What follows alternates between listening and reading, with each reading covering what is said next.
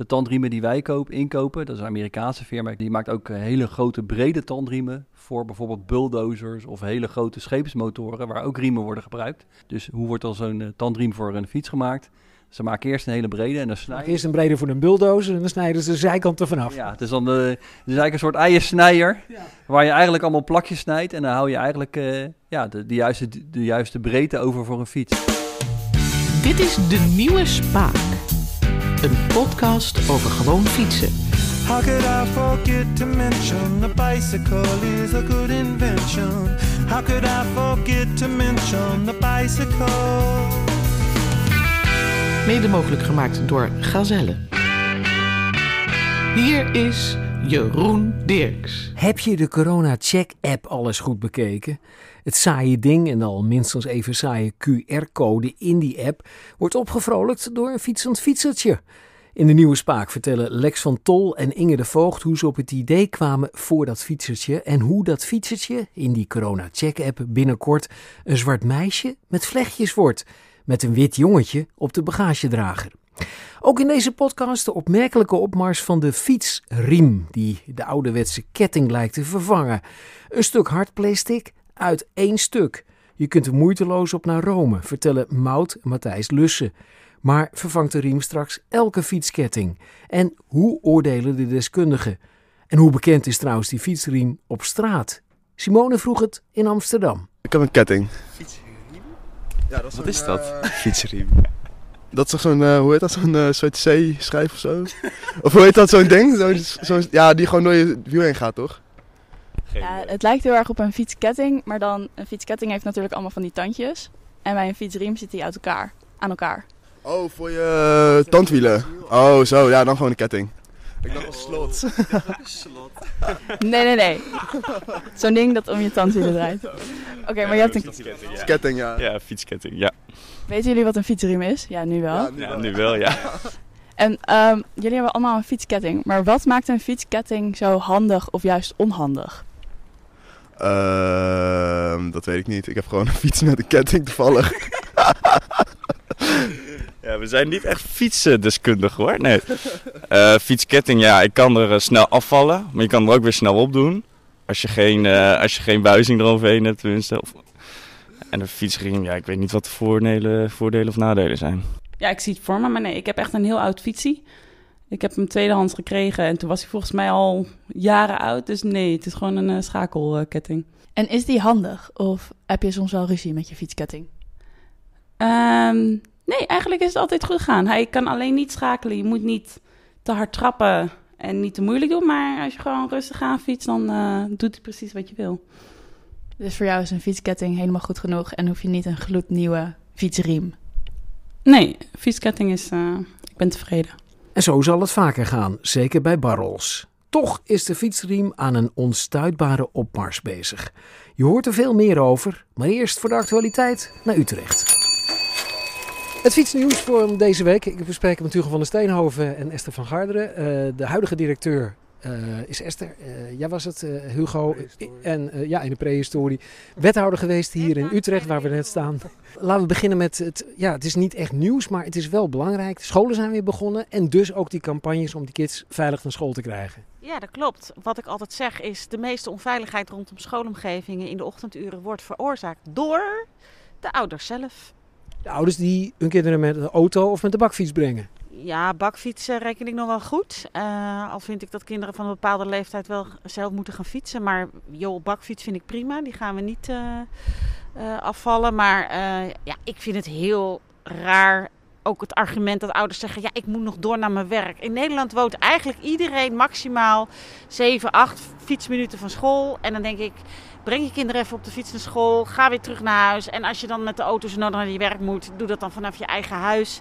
Je hebt minder stress ook nog. Dus ga nou gewoon even lekker met je kinderen op de fiets naar school. Het is gewoon veel gezelliger. Ja, lopen of fietsen, hè, dat, uh, dat, dat is voor kinderen ook goed. Die leren ook zelf uh, zich uh, bewegen, zeg maar. En, maar weet je, het punt is gewoon, zijn, mensen zijn gewoontedieren, weet je wel. Ja, we gaan altijd zo naar ons werk en we doen die kinderen altijd al met de auto afzetten. En, Weet je wel, dus, dus Mensen zijn ook verwende nesten, denk ik. Eh, Die kinderen mogen niet nat worden als het regent. Ja, dat is natuurlijk ook een trend tegenwoordig. Dat kinderen overal tegen beschermd moeten worden, tegen de meest onzinnige dingen. Maar weet je, het, het- mensen, denk nou eens over de, na over de gezondheid van je kinderen. Weet je wel, de kinderen die, die moeten gewoon leren fietsen en leren lopen. Ook later als ze naar de middelbare school gaan, dan moeten ze fietsen. En als ze het niet goed hebben geleerd, zelfstandig, dan, dan komen dan de problemen. En daar ben je als ouder ook verantwoordelijk voor. Kijk eens iets verder vooruit en ga, laat je kinderen en fietsen en lopen. En de gemeentes moeten gewoon zorgen dat het niet kan. Hè? Dus dat is ook nog een ander verhaal. Nou ja, jullie zijn wel bezig. Jij bent eh, van Hugo Cycling, eh, genoemd naar eh, Hugo van de Steenhoven, vermoed ik zomaar. Zo. En bezig met schoolstraten. Lukt dat een beetje? Nou ja, we hebben in, in meer dan tien steden hebben we schoolstraten gehad. En sommige steden zijn zo enthousiast dat ze er veel meer hebben gedaan. En Den Haag heeft er 19 gedaan, eh, maar ook Groningen veel meer, Utrecht meer dan één. Dus je ziet dat het nu om zich heen grijpt. Alleen wat wel het probleem is, is het... Schoolstraat is even voor alle duidelijkheid. Je zet je kind eh, eh, af op, op- ja, per fiets. Hè? Je mag gewoon niet met de auto bij school je mag, komen. Je mag de- met de auto niet in de straat van de school komen. En eh, ja, dat, soms zullen automobilisten denken, nou dan zetten we aan het begin van de straat af. Maar op een gegeven moment is het voordeliger om te gewoon gaan lopen en fietsen. En ja, het, punt is dat ge- gemeentes, die kijken vaak van, gaat de school wat doen? Hè? Die scholen die krijgen al zoveel op hun dak. De gemeentes moeten daar gewoon wat proactiever in zijn. Als een school problemen heeft, hup, aan de bak en zorgen dat die schoolstraten komt. Ik was vroeger brigadier toen mijn kind op de basisschool zat. En dan gingen ze... Zo'n eh, oranje ei op de straat? Nee, we hadden zelfs een slagboom. Want het was echt een behoorlijk eh, slechte, slechte plek. Er was ook een jongetje doodgereden. En toen hebben we daar slagbomen gemaakt. Maar daar zag je het god betere. Zelfs dat mensen gewoon... Dan deden wij de slagboom dicht. Oh, mooi, de auto staat stil. Dan dropten ze zo bij de, bij de brigadier eh, hun kinderen de auto uit. Dat ik echt dacht, ja... Mensen, mensen, mensen. En ik kende die mensen grotendeels. En die woonden echt allemaal gewoon in de wijk. En die hadden allemaal maar stress omdat ze de auto niet kwijt konden bij school. En denk ik, gaat, gaat er gewoon fietsen? Is toch gewoon ook beter voor je bloeddruk? Heel goed. Deze aflevering gaat over de riem of de ketting. Ik weet niet, wat fiets jij? Je hebt nogal uitgebreid verteld. Ergens op de website van een fietsersbond hoe jij van Amersfoort hier en altijd naar Utrecht toe fietst. Heb je een riem of een ketting? Ik heb een ketting omdat ik een tweedehands eh speedpedelec heb gekocht, een stromer. Omdat ik ook niet wist eh, hoe, hoe dat zou gaan en of ik er blij mee zou zijn. Dus ik heb een tweedehands gekocht. Zit je ermee of zeg je van nou, ik zou eigenlijk wel zo'n riem willen? Nou, ik heb er nog geen identiteitscrisis van. Maar eh, ze zijn natuurlijk wel beter met een riem. Maar vooralsnog eh, houdt mijn ketting zich prima. Nou, zelf heb ik zoiets van na de winter eh, heb ik er wel even over getwijfeld. Ja, ik heb gewoon het geld niet op dit moment om een goede nieuwe fiets te kopen. Maar eh, ik, de fiets voorbij. Ja, ja, het is wel een vreselijk ding, ja. Eh, maar toen was mijn idee van eh, na die winter, van nou ja, je hebt in ieder geval minder last van die sneeuw en, en al die ellende oh, als je een riem hebt. Nee, zeker, zeker. Dus wat ik lees, zitten er veel voordelen aan. Het zal ook wel weer wat meer kosten natuurlijk. Maar ik denk ketting of riem, ik denk dat het allebei even goed is. Ik, eh, ontlokken jullie ook geen romantische verhalen over de voordelen van een ketting? Zeker niet. En het voordeel van de riem is natuurlijk wel, we willen allemaal naar een circulaire economie toe. En de levensduur van zo'n riem is zoveel langer. Ja, bij circulariteit heb ik altijd geleerd, eh, stap 1 is levensduur verlengen. Dus vanuit dat oogpunt vind ik het eh, een prima ontwikkeling. Straks in de nieuwe spaak meer over het verschil tussen de ketting en de riem. Eerst komt er iets heel anders tussendoor fietsen. Pak de Corona Check app er maar bij. Als je een QR-code oproept, fietst daaronder, niet eens zo klein, een fietsertje. Ontworpen door de illustratoren van Padswerk in Den Haag. Om precies te zijn, Lex van Tol en Inge de Voogd. Ja, die fietser die staat eigenlijk gewoon voor de Nederlandse cultuur. En het was voor ons belangrijk dat wij een bewegend beeld hadden. Dat voor iedereen herkenbaar is als Nederlands straatbeeld. Het idee is dat er een, eh, een animatietje onder je QR-code staat, zodat een uitsmijterscanner een, een oogopslag kan zien. Oh, dat is geen screenshot. Dus daarom is het een, eh, een bewegend beeld. En toen dachten we, nou, het moet dus bewegen. Het moet voor Nederland staan. Nou, ja, een, een fietser. Eh, ik denk eigenlijk als we, dat we gewoon in illustraties heel vaak fietsers zetten. Eh, en of dat nou heel bewust gebeurt, dat weet ik eigenlijk niet zo goed. Ik denk dat het een hele, het is een heel hele fijne vorm om, om te tekenen. En ook een hele vriendelijke vorm. Vaak als we in een illustratie een fietser stoppen, merken we dat mensen daar heel positief op reageren. En ik denk ook dat er een bepaalde...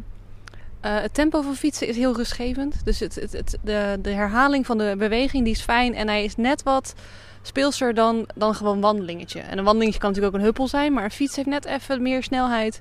En dat, ja, dat oogt gewoon prettig. Nu ik erover nadenk, vaak moeten wij in illustraties, en of het nu van de Corona Check app is of, of voor een van onze andere klanten, vaak in een heel klein beeld een bepaalde setting uh, schetsen. Dus dan een, dan een kijker gelijk door heeft, oh, dit is, dit, dit, dit is aan de hand. En zodra je er een fietser inzet, heb je en in één oogopslag duidelijk, oh, het is en buiten en het is in Nederland. En het is vriendelijk, want een, een fiets heeft iets, iets vriendelijks. zeker ten opzichte van een auto, omdat een auto natuurlijk snel... Ah ja, vernaren. En, en, en als je je fiets ergens instopt, dan is dat een heel snel een, een heel prettig, duidelijk beeld om naar te kijken. Wordt er dan ook nog over nagedacht hoe die fiets eruit ziet? Uh, de fiets zelf of de fietser? Nou ja, uh, vertel mij maar. Ja, want uh, een oma-fiets is wat anders dan een fictie. En hoe iemand op een fiets zit kan ook echt bepalend zijn. We hebben ja, of, of iets een, een bezorger is die heel hard aan het doortrappen is. Dat hebben we ook wel eens in animaties gehad. Omdat je toch een, een, een stadsbeeld uh, wil weergeven. Doordat Inge dat zei, zag te denken. We hebben natuurlijk voor Funda hebben we ook een bakfiets ja. in geïllustreerd. Omdat dat en heel kenmerkend is voor Nederland. Maar ook heel erg kenmerkend is voor de type mensen die vaak op bakfietsen rijden. Om dat te koppelen aan een bepaald soort woning, zeg maar. En realiseren jullie je dan op het moment dat jullie die poppetjes tekenen. Heel simpel. Dat, dat, mensen, dat miljoenen mensen daaraan gaan kijken. Bij de ene klant meer dan met de ander. Met deze opdracht hadden we inderdaad wel het idee van... we zitten straks in iedereen zijn broekzak. Ja. En dan ga je toch inderdaad wel... je moet een bepaalde tone of voice aanhouden... die, die voor iedereen inderdaad uh, aantrekkelijk is. Het was een testje om te kijken... Wat, wat kunnen we qua animatie doen... en werkt het technisch in die app. En toen opeens, oh, werkt. Oh, hij staat erin. Daarom komt er nu een nieuwe versie... waarin de mensen wat meer aangekleed zijn. Als een aangekleed dat je meer ziet... Uh, oh, dit is een jongetje met een meisje achterop of andersom. Ik weet niet meer zo goed wat er, hoe het zit. Ja, maar ik, ik, ik begrijp dat, het ook, uh, dat er ook wel ja, kritiek, maar dat er ook de vraag was, uh, kan het wat inclusiever? Ik bedoel, komt er een zwart meisje met vlechtjes achterop te zitten? Hoe, moet ik me dat voorstellen? We houden er rekening mee inderdaad dat we niet alleen maar, ja, noem dat, hetero, cis, gender, dun, able bodies uh, gebruiken in onze illustraties. En we proberen inderdaad wel een diversiteit te laten zien aan leeftijden, aan uh, mobiliteit en uh, aan huidskleur achtergrond. Dus zeker, er zit variatie in huidskleur in, er zit variatie in religie in. Ja, maar dat komt nu ook in het fietsje tevoorschijn. Ik heb hem gemaakt. Ja, er zit wel, er zitten verschillende huidskleuren inderdaad in.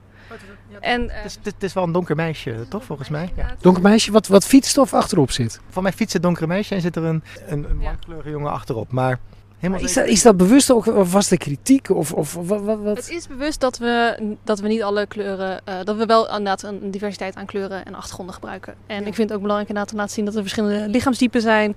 En uh, wat je net zei over geslacht, ja, van mij hoeft het niet duidelijk mannelijk of vrouwelijk te zijn. Inclusief en woke, of gewoon een beetje politiek correct. Jij mag het zeggen. Maar we praten wel over de Corona Check app, een app die meer dan 8 miljoen keer is gedownload. Straks hoor je Lex en Inge nog even terug. Nu in de podcast de nieuwe spaak, de fietsriem. Hoe kom je op het idee? Daarvoor fietste ik, ouderwets als ik ben, met een ketting naar de gezellenfabriek in Dieren. Hi, ik ben uh, Erik van en ik ben uh, productmanager bij Koninklijke Gezellen uh, ik ben verantwoordelijk eigenlijk voor alle fietsen die uh, hier ontwikkeld worden voor uh, de consument. we zijn dus heel veel bezig met techniek. En nou, ook riemaandrijving komt natuurlijk ook de laatste ja, jaren steeds meer op. Ook omdat het natuurlijk heel goed past bij e-bikes.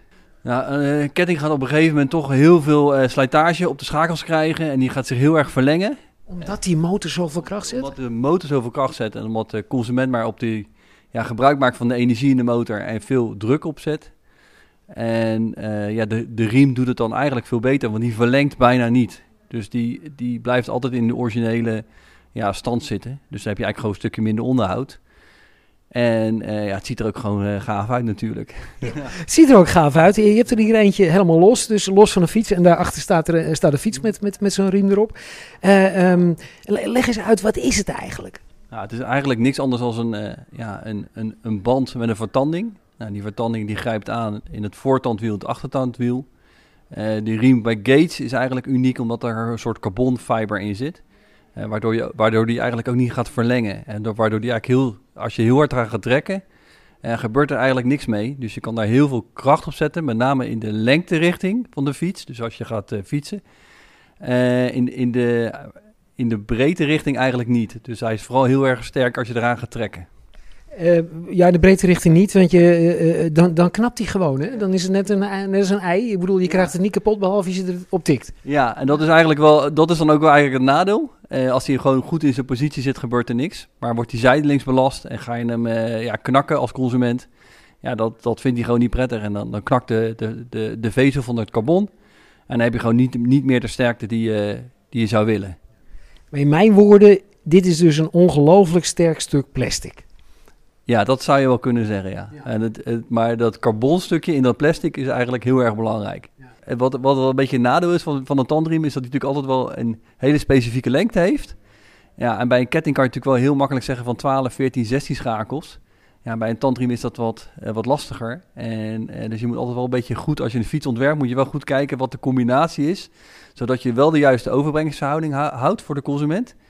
Uh, en, en dat het wel allemaal goed past. Leg nou eens even uit hoe je dat bij deze. Dit, dit is een waanzinnige. Wat is dit? Is dit de duurste fiets die jullie hebben? Wat, wat is dit? Nou, ik had het de duurste fiets maar neergezet. Dus dat is onze nieuwe number one. Nou, daar hebben we ook echt gekozen voor tandriem. Ook met het idee van geen onderhoud.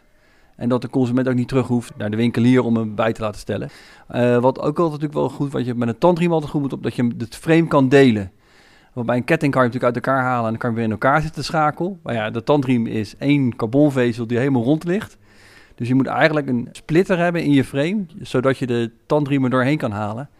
Anders, ja, anders past hij gewoon niet natuurlijk. Nee, nee, dan krijg je er niet omheen. Ja, hij past misschien wel, maar ja. hij ligt er nu omheen. En dat is dan voor eeuwig? Of, uh... Nou, bijna wel, ja. En uh, ja, een tandriem gaat tussen de, qua onderhoud en qua uh, duurzaamheid... gaat hij ongeveer twee tot drie keer zo langer mee dan een ketting.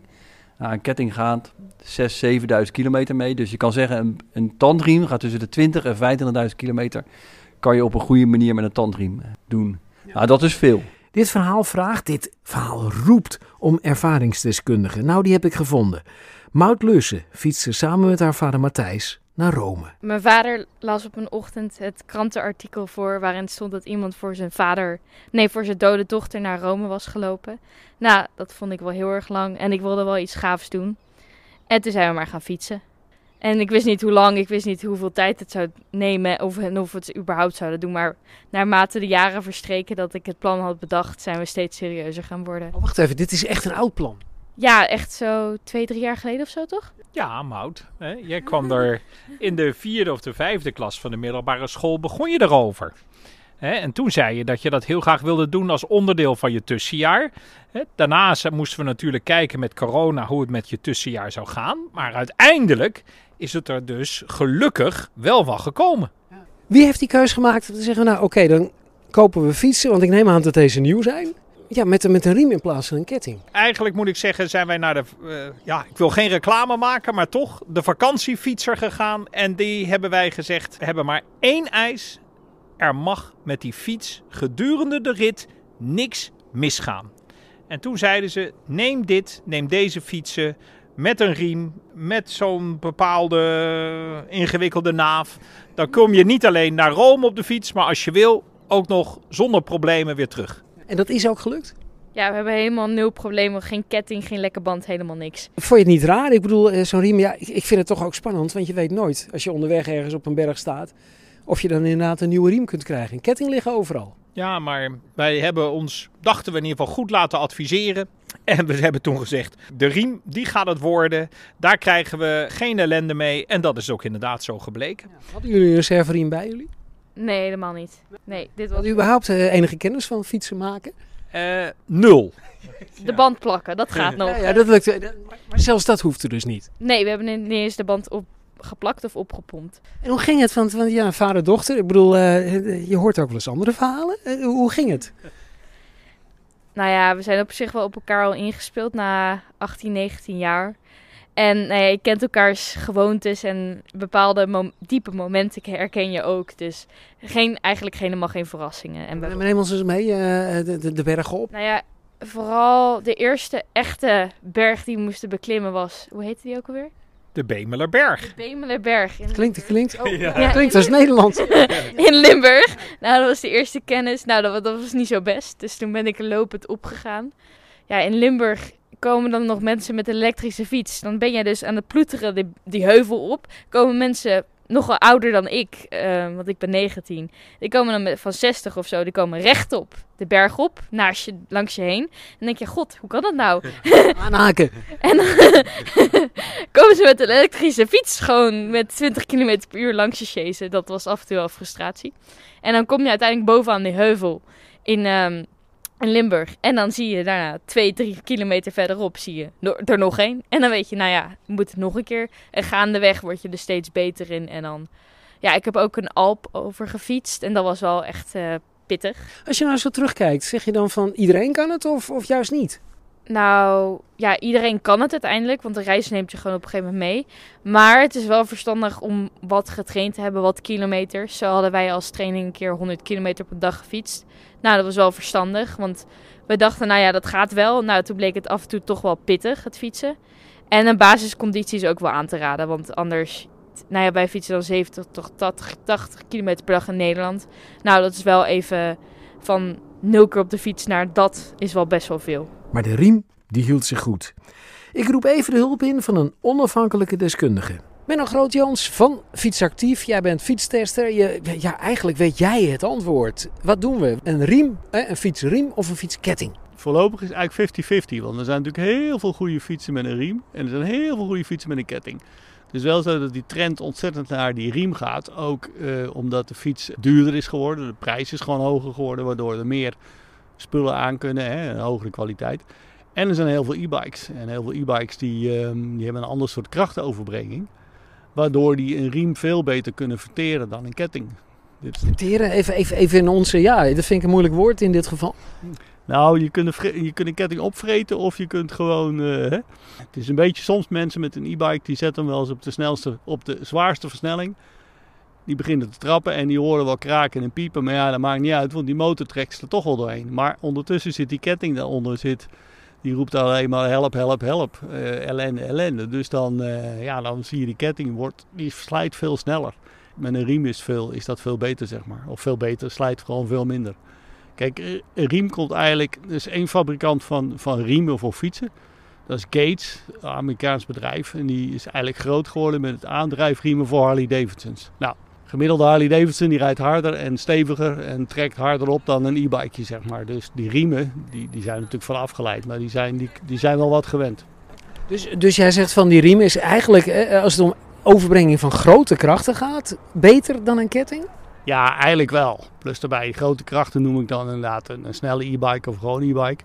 Als je kijkt naar wat het oplevert, is een, is een mooi lopend kettingje en een, een licht derieursysteempje natuurlijk. Dat heeft een betere, ja moet ik dat zeggen, wat je erin stopt krijg je er ook beter uit. Daarom bestaat die ketting al eh, 100 of 200 jaar.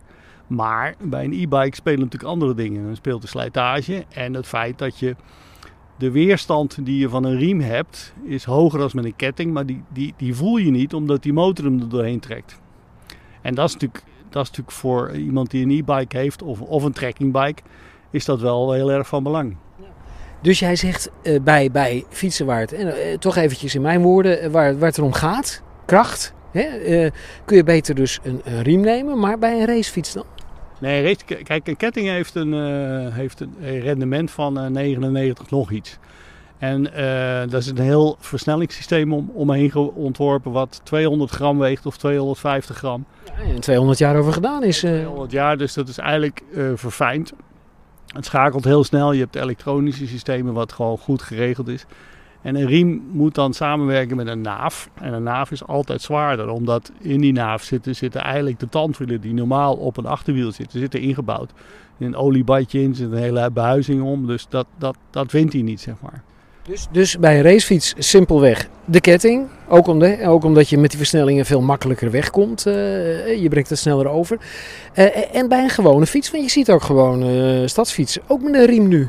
Ja, dat is natuurlijk ook, kijk, als jij gewoon in de stad bent en je koopt een fietsje met een goede kettingkast en een kettingje, dan is het eigenlijk prima. Hè? Je fietst gewoon en je, je, je, je schakelt op tijd, wij spreken. Dan is het mode. Het is wel een beetje trend, ja. ja. Net zo goed als dat je auto's hebt met een hoge instap en, en zes airbags, terwijl je er misschien maar één gebruikt hopelijk, of helemaal niks. Maar het is natuurlijk ook een beetje een trend om, om dat soort fietsen te maken. En een beetje hippig te maken en een ander uitzicht, een, een beetje een andere, andere look. Tja, andere look. Ja, daar werk je als fietsenproducent natuurlijk ook aan. Toch vraag ik aan Erik Bagazelle waar hij nou zelf en dus even objectief de voorkeur aan geeft. Nou, ik denk dat het slimmer is dan tandriem. Maar het ligt ook een beetje aan je budget. Uh, want een ketting blijft natuurlijk gewoon een hele goedkope economische oplossing om je om aan te drijven. Ja, even heel eerlijk, een ketting is, wat, wat, wat, ja, een ketting kun je voor 8 euro halen bij de Action. Uh. Ja, en dat is voor heel veel fietsen is dat ook al, uh, al goed genoeg. En nou zou je zeggen, nou bij een e-bike wil ik een iets luxere ketting ha halen. Dus dan zet je aan 15, 20 euro. Ja, en een tandriem is toch wel heel vaak al richting 150, 200 euro. Als je Omdat die zo ontzettend ja, stevig is? Of, of verdient iemand er heel veel aan? Nou, dat, ik, ik denk dat er iemand ook wel wat aan verdient natuurlijk. Maar het is wel een aparte technologie. Gates is ook echt wel een van de weinige bedrijven die gewoon heel goed een tandriem kan maken. Even naar de voor- en de nadelen. Uh, want, want je hoort altijd, ik weet helemaal niet hoe dat met jullie number one is. Maar, maar zo'n, je zei het net zelf al, zo'n riem staat strak. Dat betekent dus dat je eigenlijk geen versnellingen kunt hebben. Behalve als je ze inbouwt. Ja, en daar zie je, dat is ook eigenlijk het uh, 1 plus 1 is 3 factor met een ketting uh, opzichte van een tandriem. Want je zegt ja, tandriem onderhoudsvrij. En als je dat dan ook met een interne naaf doet, dan heb je alles intern. Zowel je versnelling en je verbetering op je tandriem, dat je bijna geen onderhoud krijgt binnen je fiets. Dus. Leg nog heel even uit wat een naaf is. Even voor, ja, de, nou is al eeuwen oud, maar, maar... Nou ja, een naaf, we hebben, een naaf is eigenlijk waar, de, waar het tandwiel op zit, of het, of het kettingwiel dan eigenlijk. Nou ja, er zit het achterwiel. Ja, daar zit dan, als je een interne naaf hebt, kan je verschillende overbrengingen daarmee op of afschakelen, waardoor je eigenlijk een hele comfortabele manier van fietsen krijgt. Ja, maar ik wil even weten hoe het werkt, omdat je zegt, je kunt dus wel met versnellingen werken, maar een echte racefiets zul je niet snel nee. met een riem zien. Nee, de, de, ik heb nog nooit een racefiets met een riem gezien. En waarom is dat dan? Nou, omdat je normaal gesproken een derailleur hebt. Nou, een ketting of een, met een tandriem wil je hem eigenlijk in een vaste positie houden. En die kan je eigenlijk ook, als je kijkt naar een ketting, heb je nog wel eens het idee dat hij iets naar links of naar rechts gaat. Die kan ook een bepaalde tolerantie uh, opvangen. Uh, wat bij een tandriem heel erg belangrijk is, dat hij in één lijn met het hart van de fiets ligt. En anders loopt die tandriem er gewoon af. Die, het moet wel heel goed afgesteld worden. Ja. En dat is dan eenmalig ook? Dat is ook eenmalig. Ja. Dus als hij eenmaal goed zit, ga je fietsen en dan gaat hij, gaat hij zich eigenlijk in, de, in zijn beste positie uh, ja, krijgen.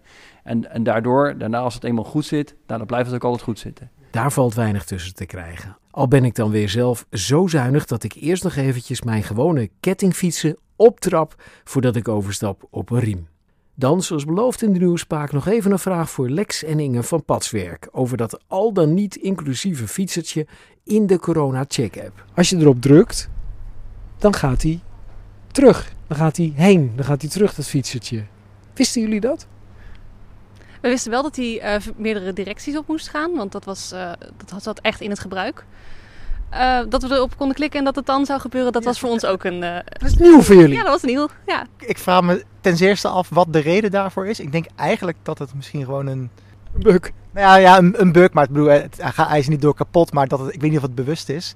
Het ding is wel, we hebben hem twee kanten op geanimeerd. Maar de initiële insteek was dat, de, dat in de app zeg maar, elke dag de fietser een andere kant op zou gaan. Dat je ook aan de hand van de richting van de fiets kon controleren of de app echt is. Snap je wat ik bedoel? Dat, dat het een stukje extra controle uh, is. En dat je er nu op kan klikken dat hij naar links en naar rechts gaat. Ik vraag me heel erg af of uh, wat daar de reden van is. Of dat het expres is. Ik denk dat... Wat vind je ervan? Nou, ik vind het eigenlijk wel grappig. Want ik kreeg een stukje interactie, uh, interactiviteit ervan, zeg maar. Ik dacht aan een spelletje. Leuk hè? Ik wil ook illustrator worden. Maar ja, ik wil ook heel graag een keertje naar Rome fietsen.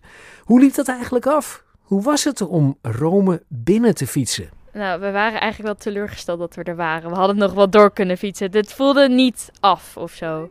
Nee, we wilden eigenlijk konden nog ja, verder fietsen. Maar toen was het mama en um, mijn moeder en mijn zusje zaten op ons te wachten. Dus dan fiets je het Vaticaanplein op en dan is het opeens klaar. En dan heb je het gedaan en dan zet je de fiets af en dan stop je, hou je op met fietsen. Dat was heel apart. Aan de ene kant denk ik blij dat je er bent. En aan de andere kant ook wel teleurgesteld. Of ja. Uh, Verslaafd een beetje. Ja, dat je natuurlijk toch zegt van ja, goh, nou, nou zijn we er. Nu is het afgelopen. Nu is het doel wat we onszelf gesteld hadden, is bereikt. Ja. Dus ja, aan de ene kant heel blij dat het doel is bereikt. Aan de andere kant ook jammer dat je het doel hebt bereikt, uh, hebt gehaald. Want ja, je gaat niet meer verder. Je houdt de reis dan op een gegeven moment op. Ja.